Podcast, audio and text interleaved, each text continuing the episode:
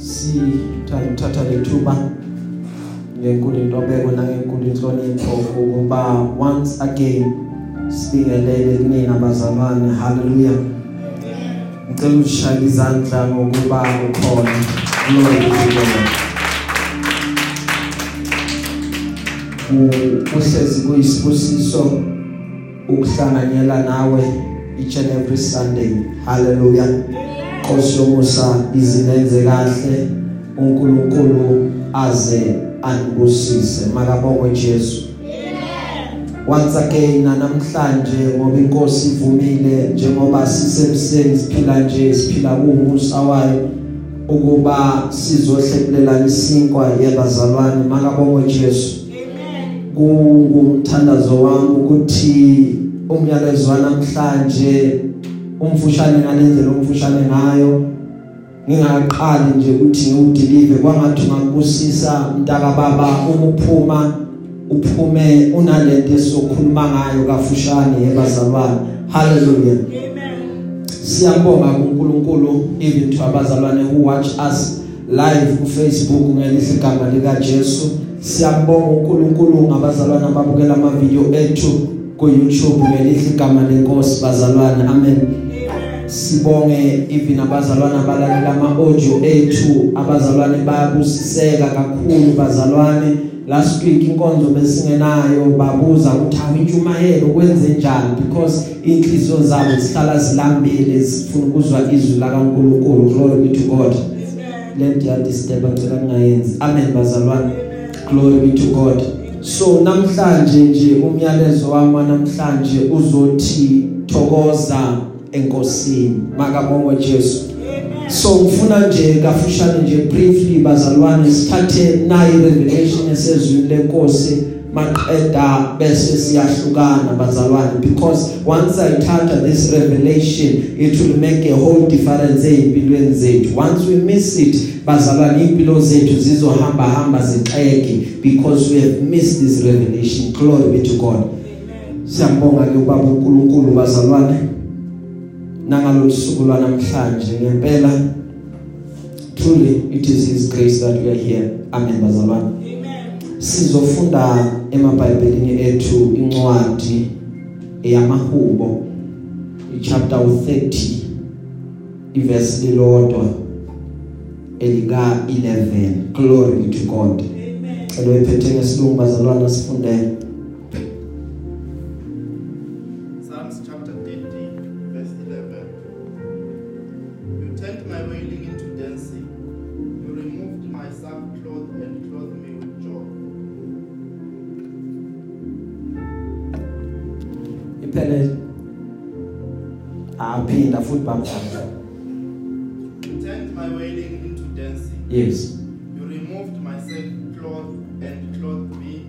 with joy. haleluya cela ukuyifunda ngesizulu bazalwane lithi iBhayibheli waphendula ukukhala kwami kwaba ngokusina wangikhumula izingubo zami zokulila wangimbathisa ukujabula. Glory be to God. Amen. Sizovala thina sonke amehlo ethu. Lord we thank you. This is your way to speak na namhlanje inhliziyo zethu zilandele uNkulunkulu wami sinqenele ukuzukhulumisana nathi. Minister to us khazimulisa uJesu kuyona le ndawo even in our lives may we walk uNkulunkulu wami ever victorious and evidently ukuthi singabakho. Egameni lika Jesu waseNazaretha Lord we pray. Amen.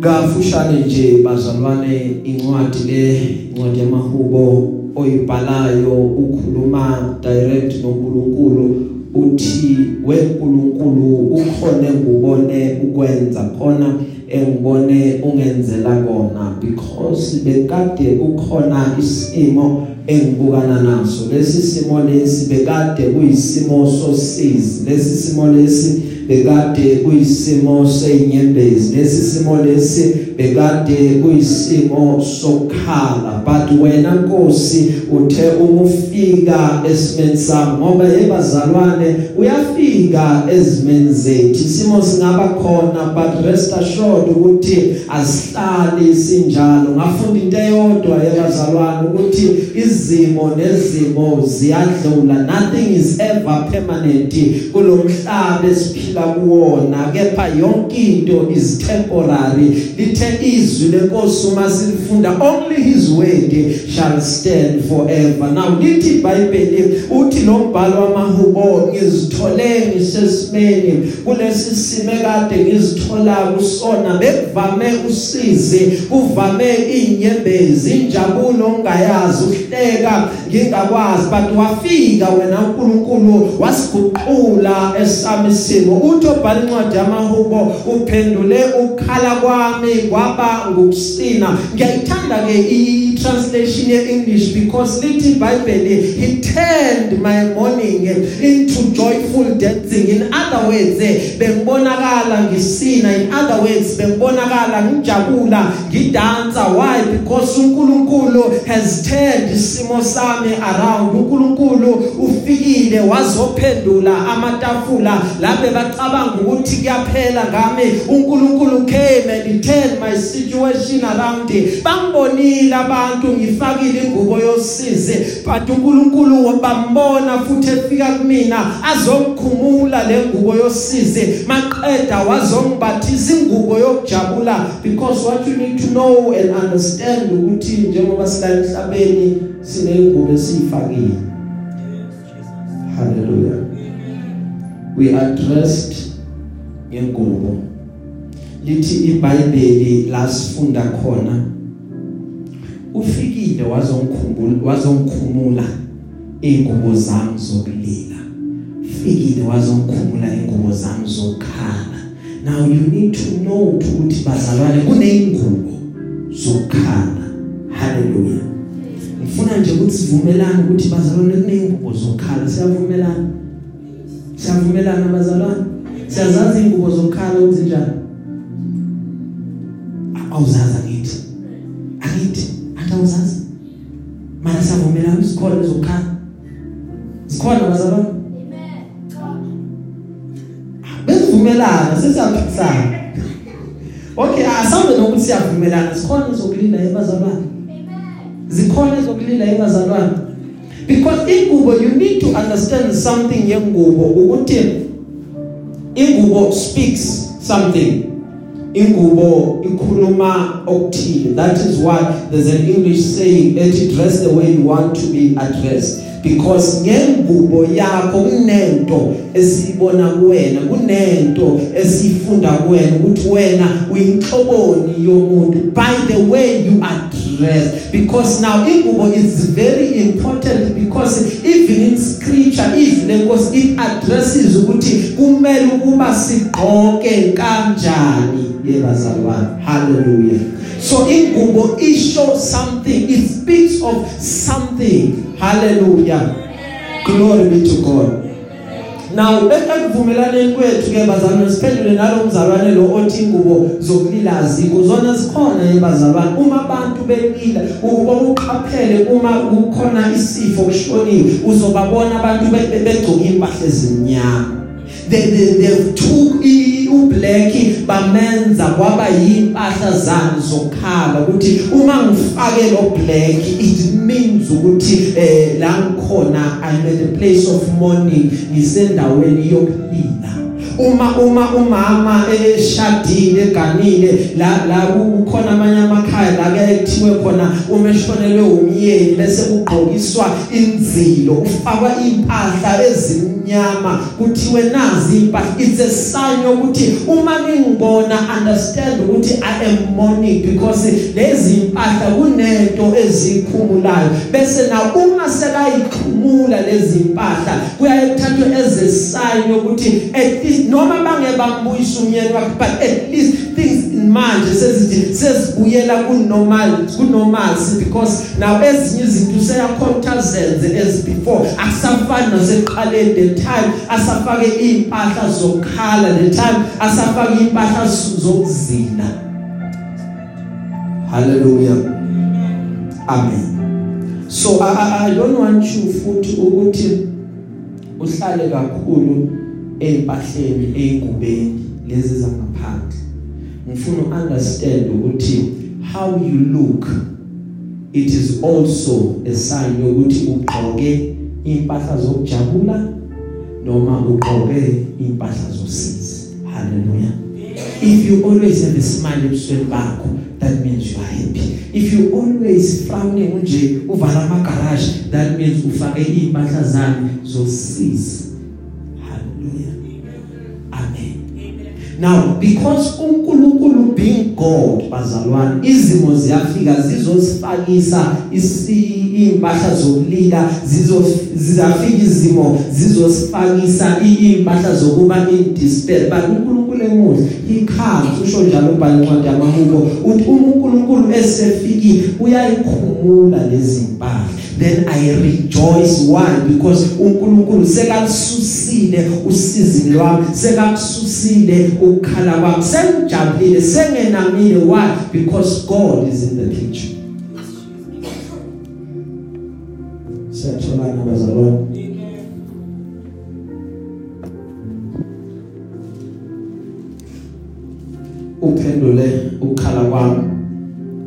Ngokusina wakhumula ingubo zami zokukhala wangembathisa ukujabula he clothed me with joy.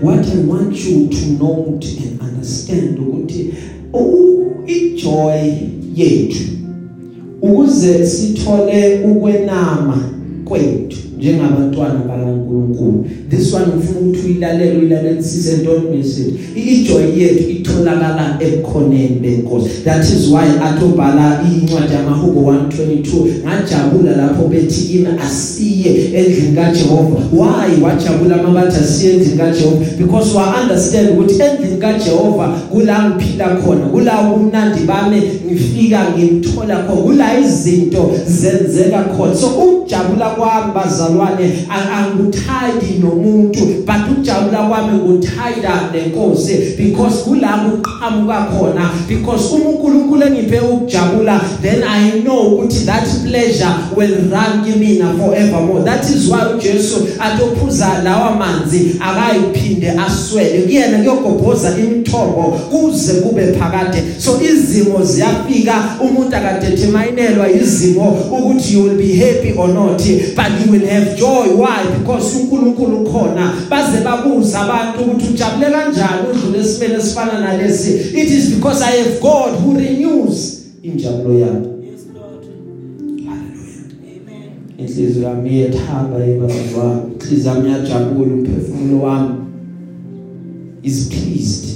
Inyama yami iyohlala inethemba. Why? Because ngenze uNkulunkulu waba indawo yami yokubalekela. uNkulunkulu uyena lo oyinqaba yami. uNkulunkulu kula ngithola khona injabulo yami yonke ngoba uthi uNkulunkulu wenza ukuthi laba bakhalayo esiyoni baphiwe ama amaqhele esikhundleni somlotha. He gives us beauty instead of ashes. Uthi uma ekhuluma ubapha amafutha enjabulo esikhundleni sokuba balinde why bazalwane? Because uNkulunkulu ufuna ukuthi sihlale senamile sihlale sijabulile. Noma izimo zikhona we look beyond izimo because yebazalwane izimo azange uzoqeda ngathi. Lezi zimo zimo kwesikhashana but now we have to look beyond isimo because kahle kahle injabulo yethu ingale over isimo isimo will come and pass but we must not lose injabulo yethu because yona le njabulo iyona le that will keep us going even though sefika cut off despairing iyona le njabulo ezothi qhubeka why? Because we have joy and your joy where is it found? Itholakala enkosini ayitholakali kwenye indawo. Ngiyasaba mina uma injabulo yakho incike ezimene ngiyasaba mina uma injabulo yakho ihlele ebantwini kuhle kepha uma injabulo yakhe ihleli kuJehova for you know ukuthi injabulo yami kuJehova I will never be disappointed. uNkulunkulu ongadisappointane sithi isimo sifikile sisho uqeda ngawe. uJehova athi iba nokuthula maqeda ube nenjabulo. Bamangala ukuthi ujabula kanjani. It is because ukhona osekhulumile obona ngale kwesimo othi even after lesi simo mina Jehova ngizoyenza indlela mina uNkulunkulu ngizofika ngizokukhulula mina uNkulunkulu ngizofika ngizokuphakamisa bese wena uyangidumisa. Iyona kanye injabulo yebazalwane esigcinayo siqhubeke ezimeni. Zithi izimo zingathandeki zisipresela phansi. But sithi we cannot be held down by isimo. We rejoice in the Lord. For we know ukuthi ekosini kulamandla ethu aqhamuka khona. That is why uPaul reiterate athi thokozani enkosini njalo njalo athi ngiyaphinda futhi ngithi thokozani injabulo yenu ayingatholakali kwenye indawo. Injabulo yenu ayitholakale kuyo uJehova. Glory be to God. Uthi uHabakuku noma ukhiwana ungakhahlela kungabeki ithele emvinini umsebenzi womqhumo uphuthe amasima angavezi ukudla. Izimvu zinqunywe esibayeni. Kungabikho nkomo esibayeni nokho mina ngiyakuthokoza ngoJehova ngijabulela uNkulunkulu wokusindiswa kwami. Haleluya. Haleluya. Haleluya. Haleluya.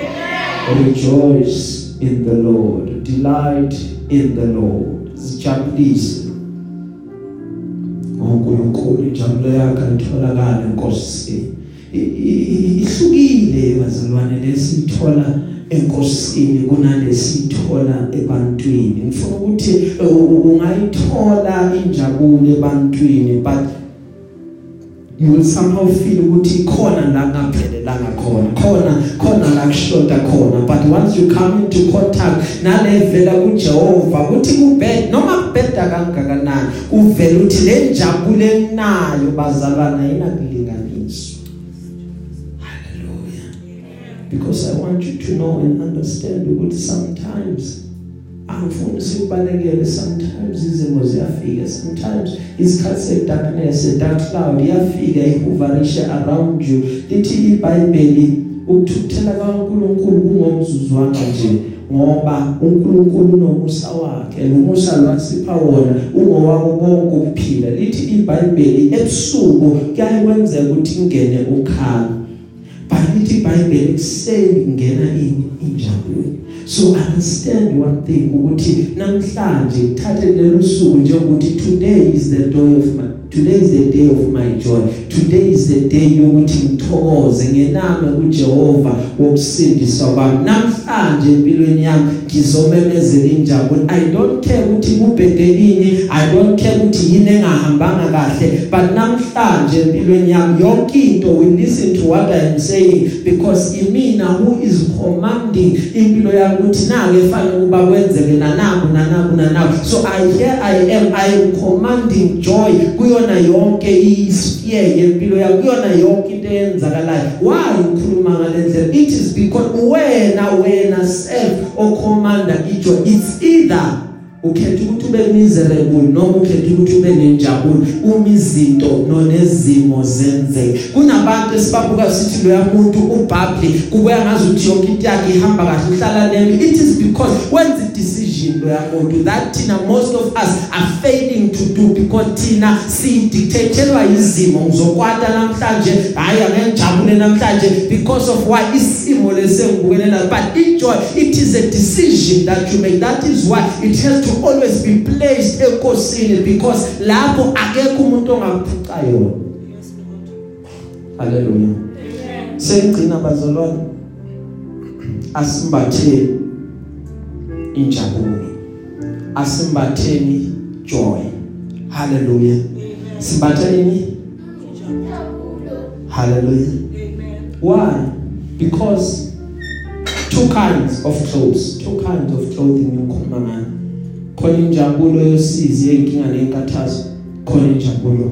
Khona isambatho sokujabula. Haleluya glory be to God. So let us choose joy over sadness. Hallelujah. Njengomntwana kaNkuluNkulu choose joy over sadness. Hallelujah. Ungavumi ukuba miserable ungavumi. Yala ngawe usungavumi ukuba miserable. Okay lithi iBhayibheli uBartimeyu wezwa ukuthi uJesu yeza lithi iBhayibheli bekafaka ingubo. Haleluya bekafaka imbazalwana